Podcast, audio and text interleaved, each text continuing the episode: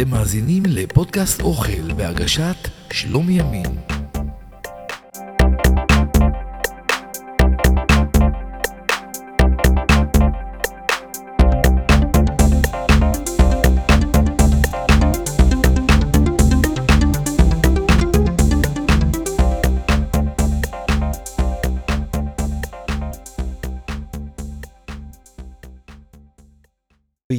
ישמח לבב אנוש, להצהיל פנים משמן, ולחם לבב אנוש יסעד. תהילים קד, פסוק ט"ו.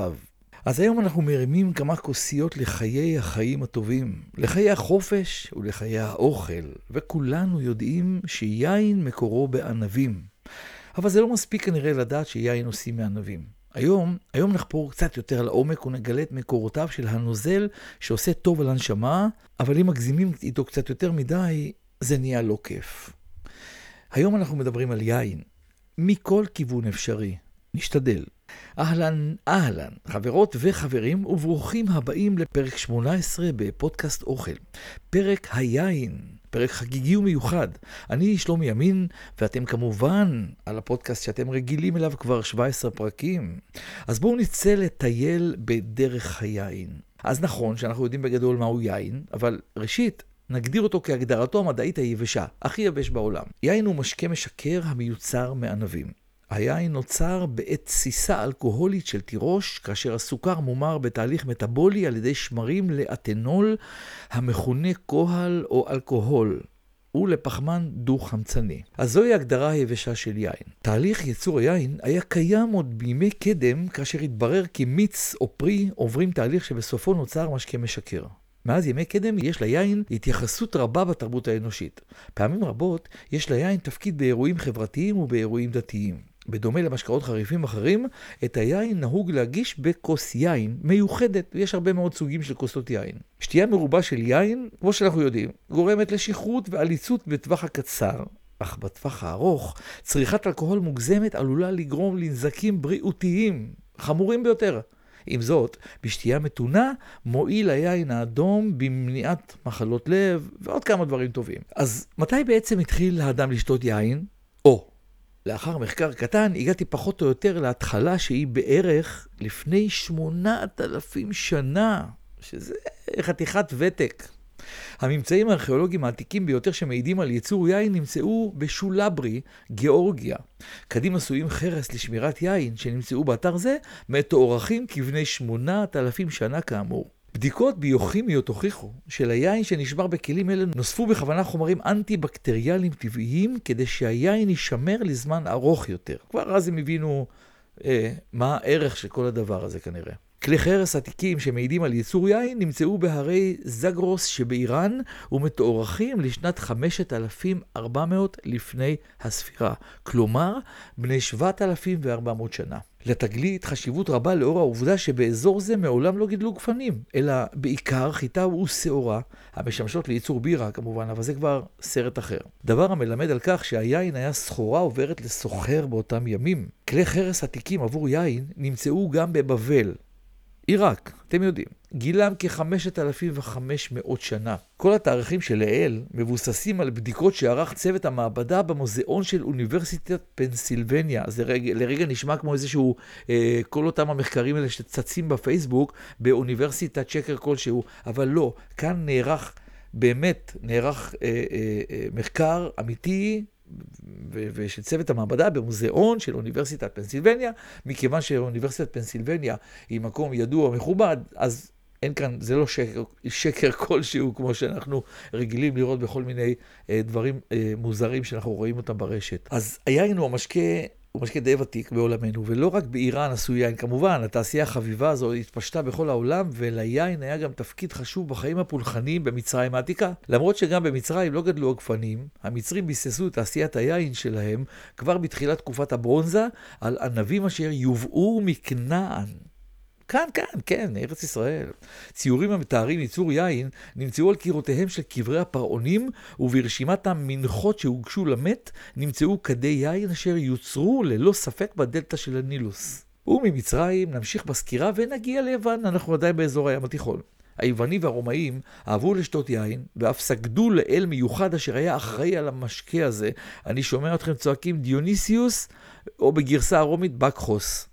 כן? אשר פולחנו, חגיגות הדיוניסיה, עורר התלהבות גדולה והמוניות. עם כיבוש ארץ ישראל על ידי הרומאים, יכלו לעסוק בהרכבת גפנים. הם ערכו אספלט או זפת שנכרה בים המלח על מקום ההרכבה או על גדם של ענף שנכרת, וכך מנעו צמיחת תחב ופטריות. בתקופת יוון ורומי התפשטה את היין לכל אירופה, ועם השנים הפכה לתעשייה המפותחת אותה אנחנו מכירים היום. נו מה, ומה עם ארץ ישראל הקטנה והמתפתחת, אתם שואלים? אז ככה. גידול הגפנים היה תמיד חלק בלתי נפרד מההיסטוריה של ארץ ישראל. באגן הים התיכון המזרחי נפוצה הגפן כבר בתקופת הברונזה. הכרם הראשון, כמו גם השכרות הראשונה, מיוחסים בתורה לנוח. ויחל נוח איש האדמה, ויטע כרם, וישת מן היין, וישכר ויתגל בתוך אוהלה. בראשית ט' כ' עד כ"א. בגדול המשפט הזה אומר שנוח נטע כרם והשתמש בתוצרת של הכרם ותפס ראש. העבריים הקדמונים נהגו לשתות יין בעת השמחה, אך גם השתמשו בו בטקסים דתיים. בימי בית המקדש היין היה ננסח על גבי מזבח העולה בשעת הקרבת הקורבנות. על כך היין מתואר במשל יותם בתנ"ך כמשקה המשמח אלוהים ואנשים, שופטים ט' י"ג. במהלך השנים הפכה גפן לסמל ארץ ישראלי. רבים מכם ודאי מכירים את הציור הידוע שבו רואים שני גברים חסונים נושאים על הכתפיים מוט ארוך ועליו תלויה גפן עם ענבים. אגב, על, אה, על מוניות שהסיעו תיירים שהגיעו לארץ לטייל, גם היה את הסמל הזה של שני הגברים החסונים עם המוט והגפן הגדולה. אז מי אלה שני הגברים? שני הגברים האלה היו מרגלים ששלח יהושע לטור את הארץ, ולאחר 40 יום חזרו עם אשכול ענבים עצום, וסיפרו שהתושבים של ארץ כנען הם אנשים ענקיים וחזקים. בספר במדבר מוצגת שליחת המרגלים כציווי של אדוני למשה.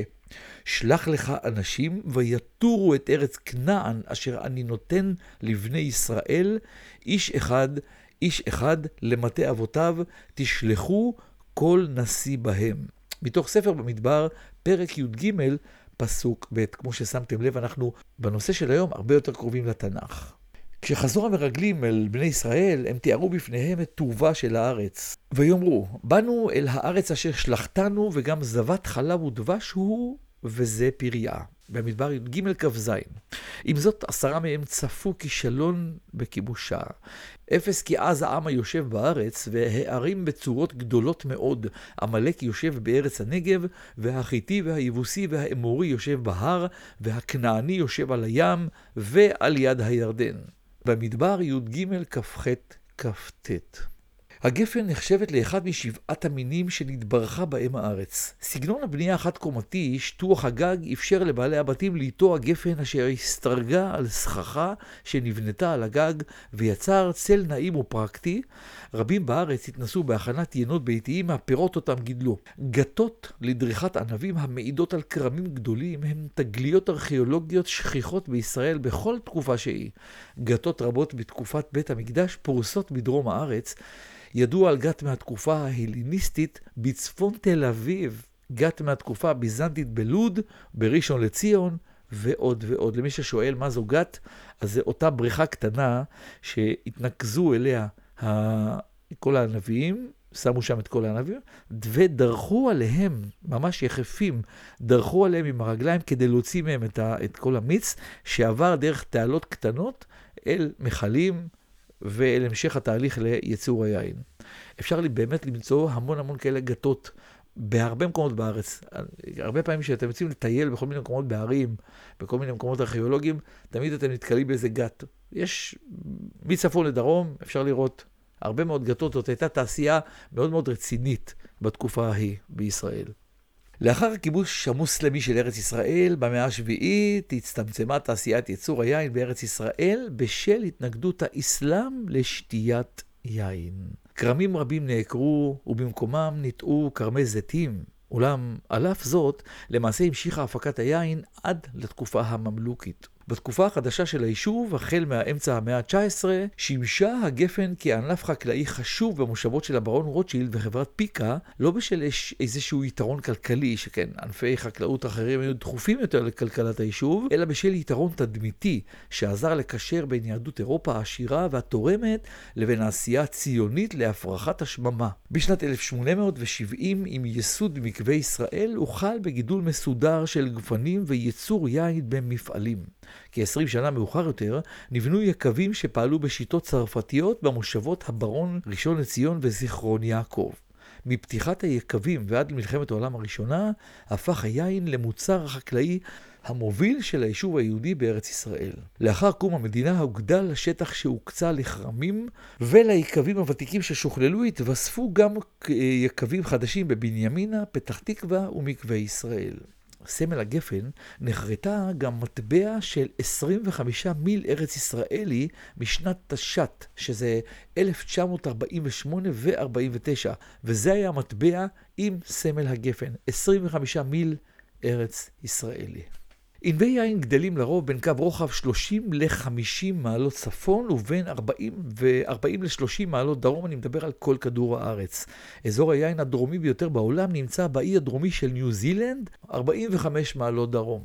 בשנת 2011, חמש יצרניות היין הגדולות ביותר היו צרפת, איטליה, ספרד, ארצות הברית וסין. בראש המדינות שמייצאות הכי הרבה יין נמצאת השנה, 2022, צרפת. אבל יש לציין שכל התחרות הזו מתנדנדת, ובשנת 2017, למשל, הייתה זו ספרד שייצאה הכי הרבה יין. ככה שהן כל פעם, כמו במרוץ כזה, מדביקות אחת את השנייה, פעם זאת ופעם זאת. אבל צרפת וספרד הן באמת שתי יצרניות ענקיות וצרכניות כמובן של יין בעולם. בישראל נפוץ גידול גופני יין ברמת הגולן, בגליל העליון, בשפלה, בהרי יהודה, בשומרון, ברמת ערד, ולאחרונה גם באזורים מסוימים בהר הנגב. טעמו של היין תלוי לא רק בסוג העיניו, אלא גם בסוג האדמה והאקלים בו הוא גדל. לאורך ההיסטוריה נודעו ינות בשמות המציינים את מחוז מוצאם, ולעיתים גם את סגנונם. בורדו, ריוחה, קיאנטי, קוניאק ושמפניה, כולם שמות של סוגי יין המשקפים את היין הפופולרי ביותר המיוצר באזור על שמו הם נקראים. קטלוג יין בצורה כזו, המקובל בעיקר באירופה, מאפשר לדעת את מוצאו של היין ואף את סוג הענבים מהם הוא מורכב ושיטת הייצור שלו. בשאר העולם נהוג פשוט לציין את סוגי הענבים המרכיבים את היין. מקובל לסווג יין על פי שנת הבציר שלו, כיוון שלרוב הוא מיוצר מענבים שנבצרו באותה שנה. יינות רבים משתבחים ככל שחולף הזמן, מה שמביא חובבי יין לשמור ולנצור בקבוקים מתקופות בציר הנחשבות למשובחות. תקופות בהם המינון בין ימי גשם לימי שמש בשלות הענבים בבצירתם ומוכנות האדמה נמצאים במצבם האופטימלי, ידועות באיכות היין שמופק בהן, וכן במחירו המרקיע שחקים בשל כך. רבים סוברים שיינות אדומים יתיישנו טוב יותר או לאורך זמן ארוך יותר מאשר יינות לבנים, וזאת בשל ריכוז תנין גבוה יותר בענבים האדומים. אך מסתבר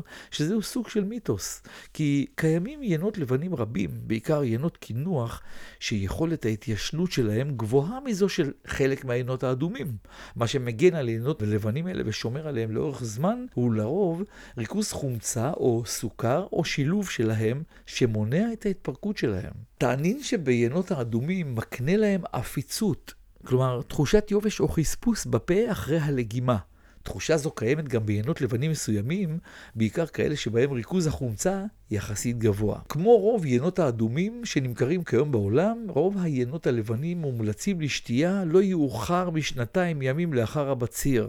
יינות רוזה מקובל לשתות בשנת הבציר עצמה, או לכל היותר מקסימום שנה לאחר מכך.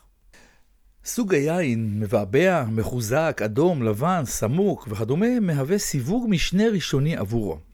צבע היין נקבע על פי נוכחות קליפות הענבים במהלך התסיסה הראשונית, מאחר שצבע העסיס של כל הענבים הוא שקוף. יין אדום מיוצר מענבים שחורים או אדומים, אך כאן גם מתקבל הצבע מהקליפות אשר תוססות יחד עם עסיס הענבים. יין לבן מיוצר מענבים ירוקים, כשבתסיסה מופרדות קליפות הענבים מהעסיס, וכך מתקבל יין שקוף צהבהב או ירקרק. כאשר מכינים יין מענבים אדומים ומשאירים את הקליפות בהשריה לתקופת תסיסה קצרה, מתקבל לרוב יין בעל גוון ורדרד שנקרא יין רוזה. יין סמוק או גם בלש, או כינוי שהשתרש בארצות הברית ולא מקובל להשתמש בו בישראל. יין לבן שמיוצר מענבים אדומים, ללא השריה בכלל על הזגים, קליפות הענבים, נקראות זגים, נקרא לבן מאדום. יינות כתומים הם יינות שמיוצרים מענבים לבנים באמצעות השריות ארוכות מאוד, לעתים כמה שבועות של התירוש עם הזגים. כן? אז זה יוצא יין כתום. יין מבעבע כמו שמפניה או מוסקטו הוא יין המכיל פחמן דו-חמצני, או CO2, שהוא תוצר מפעולת התסיסה הנכלה בבקבוק. ישנם יצרנים המפיקים יינות מבעבעים או מוגזים על ידי הוספת גז, ממש מוסיפים CO2 מבלון לפני הבקבוק. בעינות תוססים הלחץ בבקבוק נע בין 1 ל-6 אטמוספרות, כתלות בסגנון. יינות אה, יינות מבעבעים באופן טבעי, בייחוד אלו שנעשו בשיטה המסורתית, שכונתה בעבר שיטת שמפן, נחשבים איכותיים יותר בשל אופן הכנתם הדורש יישון של השמרים, טכניקה שבה נשמר היין טוב יותר לאורך זמן בבקבוק, והוא מקבל טעמים עשירים יותר, ומרקם טעים יותר מזה של יין שהוסף לו גז באופן מלאכותי. שמפניה הוא יין מבעבע המיוצר על ידי התססה שנייה של יין. המשקה נקרא על שם חבל שמפן בצרפת. שמו מוגן תחת פרוטוקול מדריד, ורק יין מאזור זה העומד בתנאי תו התקן הצרפתי, כינוי מקור מבוקר, יכול להיקרא שמפניה. עם זאת, השם שמפניה משמש כשפת דיבור, כשם כללי ליין מבעבע. ואיך תדעו מהי שמפניה מצרפת ומה עם כל השאר? אני חושב שבסופו של דבר ההבדל הכי גדול בין שמפניה הפשוטה לבין ההיא שמוגנת על ידי החוק הוא המחיר. רוצים לדעת כמה עולה שמפניה הכי יקרה בעולם? אז ככה, השמפניה הכי יקרה בעולם נמכרה בשנת 2005, שימו לב, במחיר של יותר מ-17 אלף דולר לבקבוק לבקבוק לואי רודרי קריסטל ברוט 1990. והגודל, הגודל הוא גודל מתושלח. שישה ליטרים משקלו, או נפחו יותר נכון. אגב, גדלים של בקבוקים, בהמשך נדבר גם על גדלים של בקבוקי יין שקיימים כסטנדרט, וזה נושא בפני עצמו. אז יין מחוזק הוא לרוב מתוק יותר ותמיד מכיל אחוז אלכוהול גבוה יותר מזה של יין רגיל שהוא בין 15 ל-22 אחוזים. המתיקות נובעת מכך שתהליך התסיסה נקטע בטרם עת על ידי הוספת אלכוהול ליין בכמות היוצרת יין בעל אחוז אלכוהולי גבוה. ריכוז גבוה זה הורג את השמרים ביין, הרגישים ממש, ולכן נותר סוכר שיורי. אף על פי שמרבית סג... סגנונות היין המחוזקים הם מתוקים, קיימים גם יינות מחוזקים יבשים כגון סוגים מסוימים של שרי. סוגים מחוזקים שונים של יין נקראים מרסלה, מדירה, אני מקווה שזה מדירה או מדירה. אמ, אשמח גם אם תכתבו לי ותתקנו אותי, שרי ופורט. דרך, אמ, דרך נוספת לסיווג יין היא הרושם שהיין משאיר על השוטה בטעימה הראשונה. יין יכול להיות מתואר כיבש, חצי יבש, חצי מתוק או מתוק. סיווג זה מתייחס לרמת הסוכר שנשארה ביין בתום התסיסה. יבש הוא כמעט ללא סוכר, ומתוק הוא סוכר רב שנשאר. זה ההבדלים ביניהם. בעבר, בעבר היה מופק יין בשלושה שלבים. בשלב הראשון דרכו את הענבים בגת, כמו שאמרתי מקודם, אספו את המיץ וממנו הפיקו את היינות האיכותיים ביותר. בשלב השני סחטו את הענבים פעם נוספת לשם סחיטת כמות מיץ נוספת. תהליך זה מיצה יותר יין מחלקי הזגים והחרצנים, ולכן התקבלו ינות בעלי טעם מריר עד מר, בגלל החרצנים והזגים. היו מקומות בהם מיצו מהזגים אה, מיץ בפעם השלישית, לעתים על ידי חימום. מיץ זה נתן יין בעל איכות ירודה, שלרוב לא נשמר זמן רב וניתן לעבדי הבית או נרכש על ידי העניים, איך לא? אז הפרדה ומעיכה. בשלב הראשון הענבים שנבצרו מגיעים ליקב לתהליך של הפרדה מהאשכולות ומעיכה בהתאם להחלטת היינן. ביקבים המייצרים יינות פרימיום ניתן לראות שלב מיון לפני המעיכה, הענבים המופרדים עוברים דרך שולחן מיון, סרט נע או שולחן מכני רוטט, בו מרחיקים צימוקים, ענבים לא בשלים וענבים המציגים ריקבון או עובש. פעולת המיון נעשית כדי שהענבים האיכותיים ביותר יהפכו ליין. בשלב האחרון הענבים ממשיכים למכונת הריסוק, קראשר, אשר לוחצת את הענבים וגורמת לשבירת הקליפה, הזג. פעולה זו גורמת לתירוש ליגור. בעבר היה נהוג לבצע תהליך זה על ידי דריכת הענבים בגת באמצעות הרגליים היחפות. שוב, כמו שאמרתי בהתחלה, כדי לייצר יין אדום, המיץ והקליפות מועברים למכל תסיסה, שם מתרחש תהליך ההשריה והתסיסה. כאשר מייצרים יין לבן, לעומת זאת, התירוש מורכב ממיץ בלבד. תהליך ההשריה בין המיץ לקליפה לרוב איננו רצוי משום שזה מעודד מיצוי תרכובות המכונות פנולים, אשר עלולות להוביל למרירות ועפיצות, אותו יובש בפה. תכונות לא, לא רצויות ביין לבן כמובן, ולכן, לאחר שלב המעיכה, הענבים עוברים למסחטה, פרס הממצה מהם את המיץ. שלב נוסף שמתבצע ביין הלבן הוא הפרדת משקעים גסים. התירוש מופנה למכל שיקוע בו המיץ מקורר לטמפרטורה נמוכה מאוד כדי לעכב את התחלת התסיסה למשך בין 24 ל-36 שעות בטרם יפסטרו אותו. בתהליך השיקוע התירוש נפרד בשל כוח הכבידה לשני מרכיבים. מרכיב קל, שכבה עליונה, מיץ צלול. המרכיב הכבד, השכבה התחתונה, משקעים גסים, חלקיקי ענבים, גרעינים, לכלוך, קליפות. בסיום השיקוע, המיץ הצלול בלבד מועבר למכל התסיסה, שם מתחיל התהליך שבו מיץ הופך ליין. יקבים מסוימים, במיוחד יקבים גדולים עתירי ציוד משוכלל, מחליפים את תהליך השיקוע בהפרדה בעזרת צנטריפוגה ומקצרים את התהליך ממספר ימים למספר שעות. אתם יודעים מה זה צנטריפוגה, נכון? אותה מפלצת שמסתובבת במהירות עצומה ומפרידה אה, את החלקים של הנוזל. במקרה הזה, כן, יש כמה סוגים של צנטריפוגות. תסיסה. בשלב זה עובר התירוש למכלי תסיסה. בעבר השתמשו לרוב בחביות עץ. כיום נפוץ השימוש במכלי נרוסטה בעלי דפנות כפולות השומרות ביתר קלות על טמפרטורה קבועה. תחילת התסיסה נעשה על ידי שמרים. השמרים הופכים את הסוכר שבתירוש לאלכוהול, לפחמן דו-חמצני ולתרכובות לוואי משניות כגון חומצה נדיפה, תרכובות ארומה ותרכובות טעם שונות. על פני הקליפה נמצאים שמרי בר מסוגים שונים, אולם כדי ליצור ביין הצעיר ארומה צפויה ומבוקרת, נהוג להוסיף לתירוש שמרי יין מתורבתים. התסיסה בעזרת שמרי בר מקובלת גם כיום, והיין הנוצר מתסיסה זו הוא ארומטי יותר, אולם ייתכן שארומות מסוימות בו אינן נעימות לחיך הצרכן. התסיסה מתרחשת בטמפרטורה שבין 12 ל-37 מעלות צלזיוס, ויש להקפיד שהטמפרטורה במכל התסיסה ובסביבתו לא תחרוג מהתחום הזה. יש לקחת בחשבון שתהליך התסיסה עצמו גורם לחימום התירוש ועליית הטמפרטורה שלו. יש כאן משחק מאוד מאוד עדין של טמפרטורות, שעל... כשאתה חורג ועושה את זה לא נכון, הרסת את היין, אז יצא לך יין פשוט יותר. עם סיום התסיסה האלכוהולית, סוחטים את התירוש האדום ומפרידים את הנוזל מהמוצקים. ביין לבן כאמור, הסחיטה מבוצעת עוד לפני התסיסה. בשלב זה מעבירים את היין למנוחה. ינות אדומים פשוטים ומרבית היינות הלבנים מועברים לנוח במכלי נרוסטה. יינות אדומים איכותיים יותר וזנים מסוימים של יינות לבנים יעברו לחביות עץ אלון, שעם הזמן יוסיפו ליין ארומה וניחוחות נוספים. במהלך תקופה זו מבצעים גם את פעולת ההצללה הטבעית, ההשפיה. במהלך יישון מצטברים בתחתית המכל או החבית משקעים.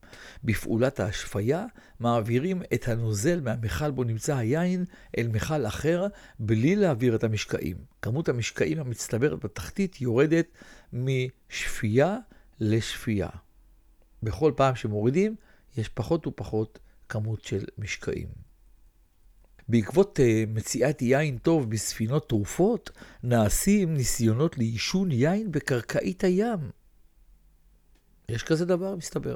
והתהליך האחרון הוא הבקבוק. זהו השלב האחרון בתהליך. כיום, מרבית היקבים העובדים עם חביות עברו לבקבוק ממכל, בניגוד לבקבוק יחידני של חביות, זאת כדי להבטיח הומוגניות של היין. מהמכל, היין לרוב עובר סינון, ומשם ממשיך לקו מילוי הבקבוקים, פיקוק ו, חשוב לא פחות, הדבקת התוויות. היין בדתות היין משמש לטקסים דתיים בתרבויות ובאזורים שונים. ניסוך לאלים לעתים קרובות נעשה עם יין. במיתולוגיה היוונית, כמו שאמרנו, דיוניסוס היה אל היין והגפן. בתרבות הסקנדינבית נקשר היין באל אודין, ונערך לכבודו בעת טקסי הבלוט ניסוך יין. ליין יש מקום מרכזי בדת היהודית, הוא נחשב למשקה חגיגי ונהוג לשתותו בימי שבתות, חגים ומועדים, וכן לכבוד אירועים משמחים כמו ברית מילה, בר מצווה, חתונה. בחתונה יהודית, אחד משיאי הטקס הוא העברת כוס יין בין הנוכחים בחופה, תחילה החתן ומשם לכלה, ואז לכל שאר הנוכחים. בעברית המילה מברך המוהל, וברוב המקרים גם טובלים את המוצץ של התינוק בכוס היין ושמים אותה בפיו שיירגע, וזה כמובן תמיד מצחיק את כל הסבתות והנוכחים. היין הוא המשקיע היחיד אשר זכה לברכה מיוחדת משלו. ברוך אתה אדוני אלוקינו מלך העולם, בורא פרי הגפן. ברכה זו יש לומר לפני שתיית היין. ומה בנצרות? בנצרות הבסיס לקדושת היין הוא הסעודה האחרונה של ישו. במהלך הארוחה מברך ישו על היין, מצהיר כי היין הוא דמו, ומורה לתלמידיו לשתות ממנו. אחר כך הוא בוצע את הלחם, מצהיר כי הלחם הוא גופו, ומורה לתלמידיו לאכול ממנו. והמנהג הזה של לחם הקודש, שאנשים בכנסייה מכניסים לפה את העיגולים הקטנים האלה, זה המנהג שנשתרש מאותו, אה, אה, ממה שהיה עם בציעת הלחם והכנסתו לפה של המאמינים. בניגוד למנהג שתיית היין ביהדות ובנצרות, ציוויי האסלאם מכילים איסור מוחלט על שתיית כל המשקאות האלכוהוליים. היות שהיין הוא משקיע אלכוהולי, גם עליו חל איסור זה. הציווי על איסור שתיית האלכוהול נקרא חרם, תרגום לעברית אסור. ומקורו הוא במשפט המוסלמי הפיקה, אשר מקביל להלכה היהודית. תמיד מדברים על הצרפתים שהם שתייני יין ידועים מאוד בעולם. כמובן ששתיית יין בצורה מתונה מועילה לבריאות חלקים שונים בגוף, אבל צריך לשים לב שלא עוברים את המתינות, כי לשתייה מתונה של אתנול שנמצא ביין מיוחסות מספר השפעות חיוביות על גוף האדם. הפרדוקס הצרפתי הוא כינוי המתאר את הסתירה, לכאורה, בין התזונה והרגלי החיים בצרפת, הנחשבים גורמי סיכון למחלות לב, לבין שיעור התמותה הנמוך ממחלות לב לעומת ארצות אחרות. אחת ההערכות ליישוב הסתירה מבוססת על תרבות שתיית היין הנפוצה בצרפת. העובדה שיין אדום מכיל נוגדי חמצון, העוזרים בניקוי הדם ממשקעים בכלי הדם, מחזקת טענה זו. אולם, יש החולקים על הקביעה כי בצרפת מספר מועט יחסית של מקרי מוות ממחלות לב. לטענתם מדובר במצג שווא שמקורו באופי הדיווח המקובל בצרפת על נסיבות מקרי מוות שלא אירעו בבתי החולים, שכן מוות מחוץ לכותלי בתי החולים שכיח בצרפת על רקע מחלות לב. טוב, זה עניין של איך שמציגים את זה. כחלק מהפולקלור שקשור ליין, מצטרפות גם הגבינות השונות. ערבי גבינות ויין הן מנהג מאוד מושרש וידוע בארץ, במיוחד בחג השבועות, אבל לא רק. אופנה רבת שנים שלא נפסח עליה, היא הביקור בעקבי בוטיק וטעימת ינות שונים בעונות הייצור השונות, וגם במשך כל השנה. יש לנו בישראל תרבות מאוד רצינית של יקבי בוטיק, ואני אמנה כמה מתוכם שמפוזרים בארץ, כמובן, כן, לפני שאתם אה, צועקים עליי, יש עשרות ויותר, אבל אני נותן כאן רק טעימה קטנה לדוגמה, ושולח אתכם לחפש את היקבים המעניינים בגוגל, בספרים, בהמלצות, בכל מיני מקומות, וכמובן גם בפודקאסט הזה, כי תכף יהיו כמה המלצות. אני חייב לציין שאין לי ולא מאום עם שום יקב שאני ממליץ עליו. פשוט הסתכלתי בגוגל ומצאתי כמה יקבים, ובאופן אקראי, ויסלחו לי אלה שלא דיברתי עליהם, שלמעשה זה הרוב. ובכל מקרה, אם אתם שומעים את הפודקאסט אי שם בשנות ה-50 של אה, שנות ה-2000, אה, כנראה שחלק מהיקבים כבר לא יהיה. אז אה, דרישת שלום משנת 2022, ונצא לדרך. בצפון, בצפון יש לנו יקב פלטר או פלטר. אני לא סגור על זה, אבל אה, זה הכי קרוב שאני יכול אה, לנחש. אז יקב פלטר, ויסלח לי, אה, יסלחו לי בעלי היקב אם אני טעיתי בשם, יקב ששוכן בצפון רמת הגולן בקיבוץ עין זיוון בגובה של אלף מטרים מעל פני הים. הענבים ליין נבצרים ידנית ומגיעים לא רק מהאזור, אלא גם מהגליל וממצפה רמון. ביקב הזה יש גם מזקקה שבה מייצרים ג'ין, וויסקי single malt, ערק וברנדי, תמרים ותפוחים, שתוכלו למצוא בחנויות היין ובמסעדות ברחבי הארץ. סופי השבוע מתקבצים בחצר הרחבה הרבה חובבי יין, שנהנים גם מ food truck שמציע נשנושים ואווירה של חגיגה.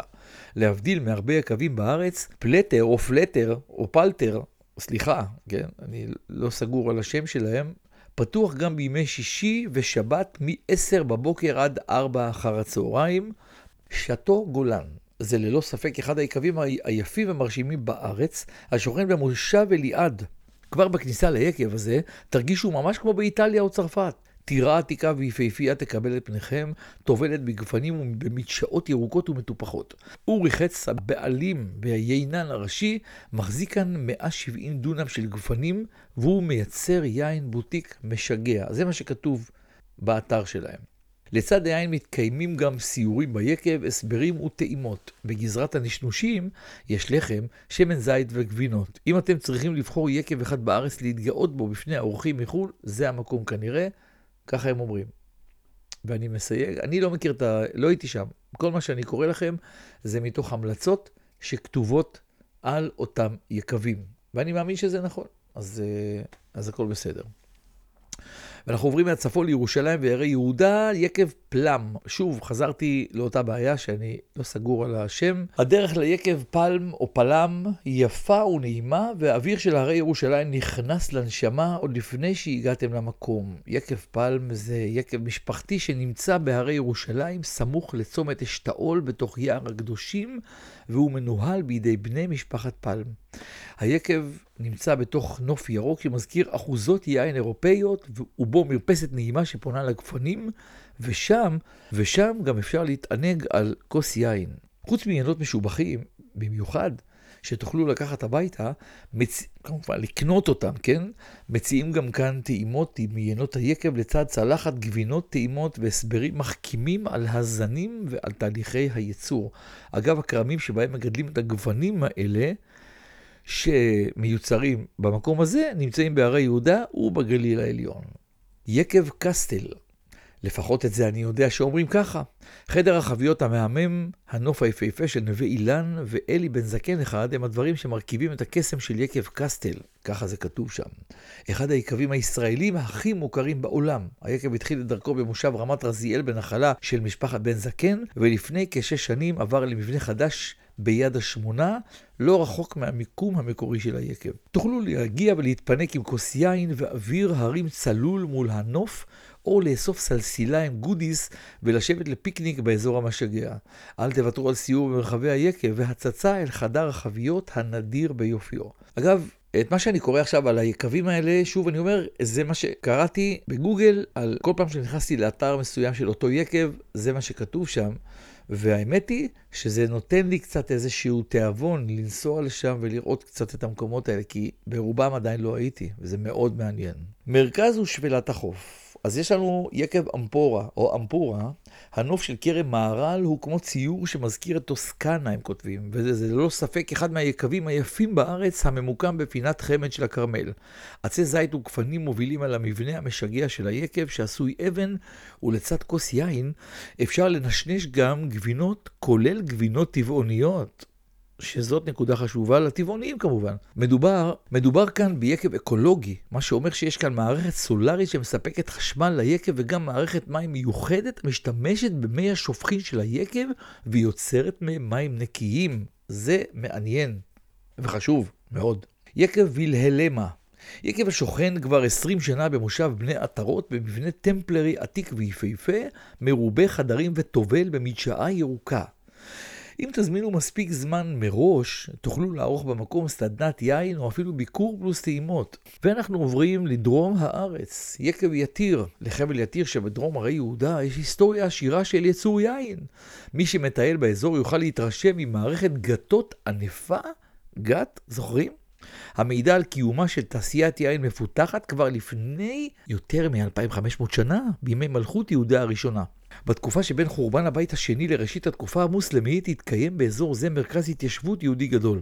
החקלאים התפרנסו בעיקר מגידול ועיבוד של גפנים וזיתים, והאזור היה ידוע כאחד האזורים המשובחים לגידול גפן ולתעשיית היין, ומכאן ייצאו את היינות למצרים, רומא ולרחבי ישראל. זוכרים שאמרנו שהמצרים הביאו יין מכנען? אז מכאן. יקב יתיר נבנה למרגלות המצודה בתל ערד היהודאית, מרחק עשר דקות מהכרמים הממוקמים ביער יתיר. היקב הקטן הוקם בשנת 2000 כמיזם משותף של קורמי האזור ואגודת הקורמים שגילו את הפוטנציאל יוצא הדופן הטמון בחבל יתיר. כיום מייצר היקב כ-150 אלף בקבוקים. זה היקב הגדול ביותר באזור הדרום, ועל כן הפך גם לסמל האזור, בעיקר לאחר שהיינות שלו זוכים בקביעות בכל שנה בציונים גבוהים ובתשבחות המבקרים. כרם אבדת בשדה בוקר. הכרם בחוות כרמי אבדת נשתל בשנת 1999, והיה מן הכרמים הראשונים שנשתלו בנגב, והחלו אזור יין חדש ומרתק, הר הנגב. הכרם נשתל על שרידיו של כרם קדום בין 1,500 שנה, והטרסות העתיקות התעוררו לחיים ותורמות להשקיה של הכרם בדיוק כמו בתקופות הקדומות. הזנים הראשונים שנשתלו היו זני הקברנה סוביניון והמרלו, זנים שלפי הערכה היו יכולים להתמודד היטב עם התנאים הקשים באזור. בהמשך נשתלו גם שרדונה ויוניה, פטי ורדו. אה, ביקב מיוצרים 12 סוגים שונים של יין בסדרות קטנות של בין 300 בקבוק ל-1200 בקבוק. אני חייב לכם מההתחלה איזה אזכור של גדלים של בקבוק יין, אם אתם זוכרים, אז ככה. יש בקבוק קטן של חצי ליטר, יש בקבוק תקני רגיל של 0.75 ליטר, ויש את המגנום שהוא ליטר וחצי המכיל כמות של שני בקבוקים רגילים. הטרגנום או מרי ז'אן המכיל שתיים ורבע ליטרים. הירובעם או double magnum המכיל שלושה ליטרים. הרחבעם המכיל ארבעה וחצי ליטר, שישה בקבוקים בערך. המתושלח שמכיל שישה ליטרים, שזה שמונה בקבוקים. המרדכי או השלמנסר המכיל תשעה ליטרים, שזה 12 בקבוקים. הבלטזר המכיל 12 ליטרים, שזה 16 בקבוקים. הנבוכדנצר המכיל 15 ליטרים, שזה 20 בקבוקים. המלכיאור המכיל 18 ליטרים, שזה 24 בקבוקים. ו...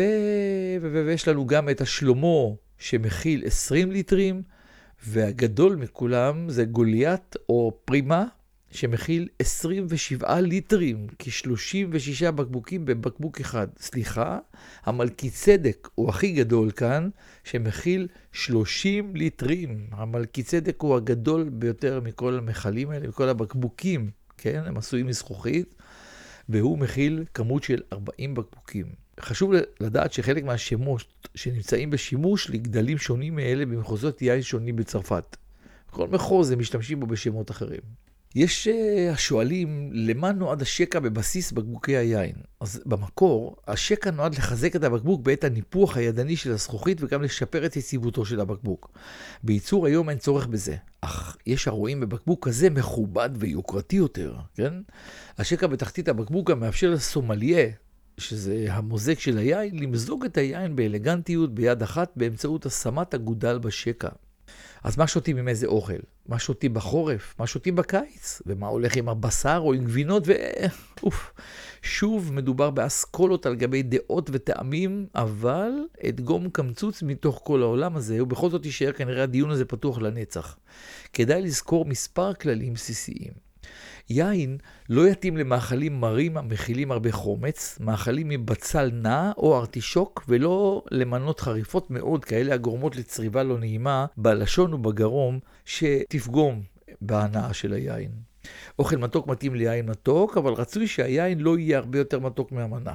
עם זאת, ניגודים יכולים ליצור שילוב מנצח. האנגלים משלבים בין יין פורט לגבינות כחולות, מה שגורם למליחות הגבוהה והחריפות של הגבינות להתאזן על ידי, המת... על ידי המתיקות של היין.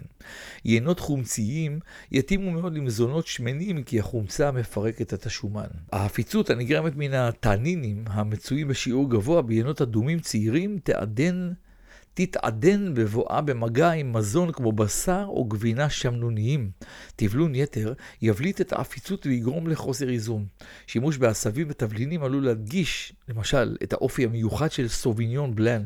כלומר, יש למנוע מצב שבו האוכל מאפיל על היין או ההפך. חייבים להגיע למצב של איזון, ששותים יין בזמן ארוחה. לארוחה קלה, יש להתאים ינות קלים, ולארוחה עשירה ושמנה כדאי לחבר ינות עוצמתיים, שכל לגימה מדגישה את היין ומסייעת לאוכל להיות יותר טעים כמובן. אז באופן מקוצר וכללי נאמר שאם אתם אוכלים בשר אדום נניח, או בשר בכלל, ינות אדומים ברוב הזמן יתאימו לחגיגה, ולעומתם אם אתם אוכלים גבינות, ברוב הזמן תשתו יין לבן. יש את העניין של קיץ וחורף, ששם יש את העניין היין האדום שמתאים בעיקר לחורף, והיין הלבן מתאים בעיקר לקיץ, אבל לא באופן מוחלט. ואם יש את ההמלצה לשתות את היין בטמפרטורת החדר, אל תטעו, מדובר על חדר באירופה של תחילת המאה הקודמת בערך, כי הטמפרטורה עלתה במשך השנים, ובישראל בכלל תמיד היה יותר חם משם, ולכן יינות אדומים יוקשו בערך בטמפרטורה של 16 עד 18 מעלות, ולעומתם, יינות לבנים יוגשו בטמפרטורה של 9 עד 12 מעלות. השמפניה יורדת בקירור לבין 6 ל-8 מעלות בהגשה, ויש שמקררים אותה אף יותר. בשנים האחרונות תרבות היין הלכה וגדלה בעולם, ובטח בישראל. מקררי יין נמכרים ברחבי הארץ, ויש שמביאים אותם מהעולם. סיורים רבים נערכים ליקבים שונים ומשולבים בארוחות דשנות וחגיגיות, קורסי יין נערכים, והיין חוגג את היותו אחד המשקאות הכי פופולריים בקרב כל שכבות הציבור. והמלצה חמה, אישית, שלי, אליכם. אם תגיעו לכפר סבא, ממש בכניסה לעיר יש שיכון קטן עם בתים פרטיים, ובתוך השיכון שוכנת חנות ממתקים מיוחדת, קסומה, ותיקה, בשם פרידלנד, ושם בתוך מעמקי החנות יש מאות בקבוקים של יין נדירים יותר ופחות, ואבנר, הבעלים של החנות, מנהל ביד רמה את החנות ואת תרבות היין עם מועדון חברים גדול ואירועים וסיורים בארץ ובעולם. מכירות וטעימות של יינות שונים, וכן מכירת מקררים וכמובן שממתקים מכל העולם, שווה לכם את המאמץ הקטן הזה של ביקור בכפר סבא, ותגידו ששלומי שלח אתכם. פרידלנד, כפר סבא. ואיך אפשר, בלי המשפט הידוע, נכנס יין, יצא סוד. הרי אם לא הייתי מדבר עליו בכלל, בטוח שזה היה גורר הערות. ולכן נדבר על נכנס יין, יצא סוד. זהו ניב שמקורו בדברי רבי חייא בתלמוד ופירושו. אדם מבוסם מיין נוטה לחשוף סודות, אותם בוודאי לא היה חושף בהיותו פיקח. הסיפור הולך ככה, בסעודה שהתקיימה בביתו של רבי יהודה הנשיא, עליו אמרה הגמרא, מימות משה ועד רבי, לא מצינו תורה וגדולה במקום אחד. התארחו גם יהודה וחזקיה, בניו הצעירים של רבי חייא. הבנים שמרו על שתיקה במהלך הסעודה, עד שבהוראתו של הנשיא בישמו אותם משמשיו ביין. כשהיו במצב של שכרות, ציטטו את ישעיהו ח' על פיו ניתן להבין שמשיח בן דוד לא יגיע כל עוד ימשיכו לכהן בתפקיד ראשי הקהילות הארץ ישראליות והבבלית, הצאצאים לבית דוד. משמע, הנשיא בישראל וראש הגולה בבבל. הרבי התמרמר על דבריהם, אך אבי הצעירים, רבי חייא, ניסה לפייסו בג... בגילוי העובדה שיין וסוד שווים במערך הגימטרי שלהם, ועל כן נכנס יין ויצא הסוד. מעניין? תם ולא נשלם. עולם היין גדול ואין סופי לאין שיעור ונמתח לאורכו ורוחבו של כל העולם. גם אם נשב ונעשה סדרה על יין, היא לא תסתיים כל כך מהר, תאמינו לי. אני מקווה שבמידע שהוגש לכם כאן באהבה, קיבלתם מידע מועיל ומעניין על היין. והמלצה חמה, אם אתם באמת אוהבים יין ועדיין לא חרגתם מבקבוק בפסח או בראש השנה, כדאי להתחיל להיכנס לעובי הקורה ולהתעניין בעוד יין ולבקר בכמה יקבים. זה עסק באמת מעניין וטעים, יש לציין. כמו שאתם קונים, אני מקווה, שמן זית איכותי, אל תוותרו על יין איכותי, גם אם הוא נראה לכם יקר. עדיף שיהיה יקר וטעים פעם בחודש ולא זול ומגעיל פעם בשבוע. ו... כמו כל הדברים הטובים, אנחנו הגענו ממש אל קצה הפרק של היום, ואני יכול להבטיח לכם שאני נהניתי לערוך את התחקיר ואף להגיש לכם אותו. אם אהבתם את הפרק, אל תשכחו להמליץ עליו בכל הכוח לכולם. ואם אתם עדיין לא עוקבים אחרינו, זה הזמן. אנחנו פודקאסט אוכל, ככה זה נקרא, פודקאסט אוכל, וזה היה פרק 18. אז שיהיה לכם רק טוב בכל אשר תלכו, אנחנו נהיה כאן עם פרק נוסף בעוד שבועיים. שלום ולהתראות בהרבה אהבה ממני, שלומי ימין. אתם מאזינים לפודקאסט אוכל בהגשת שלומי ימין.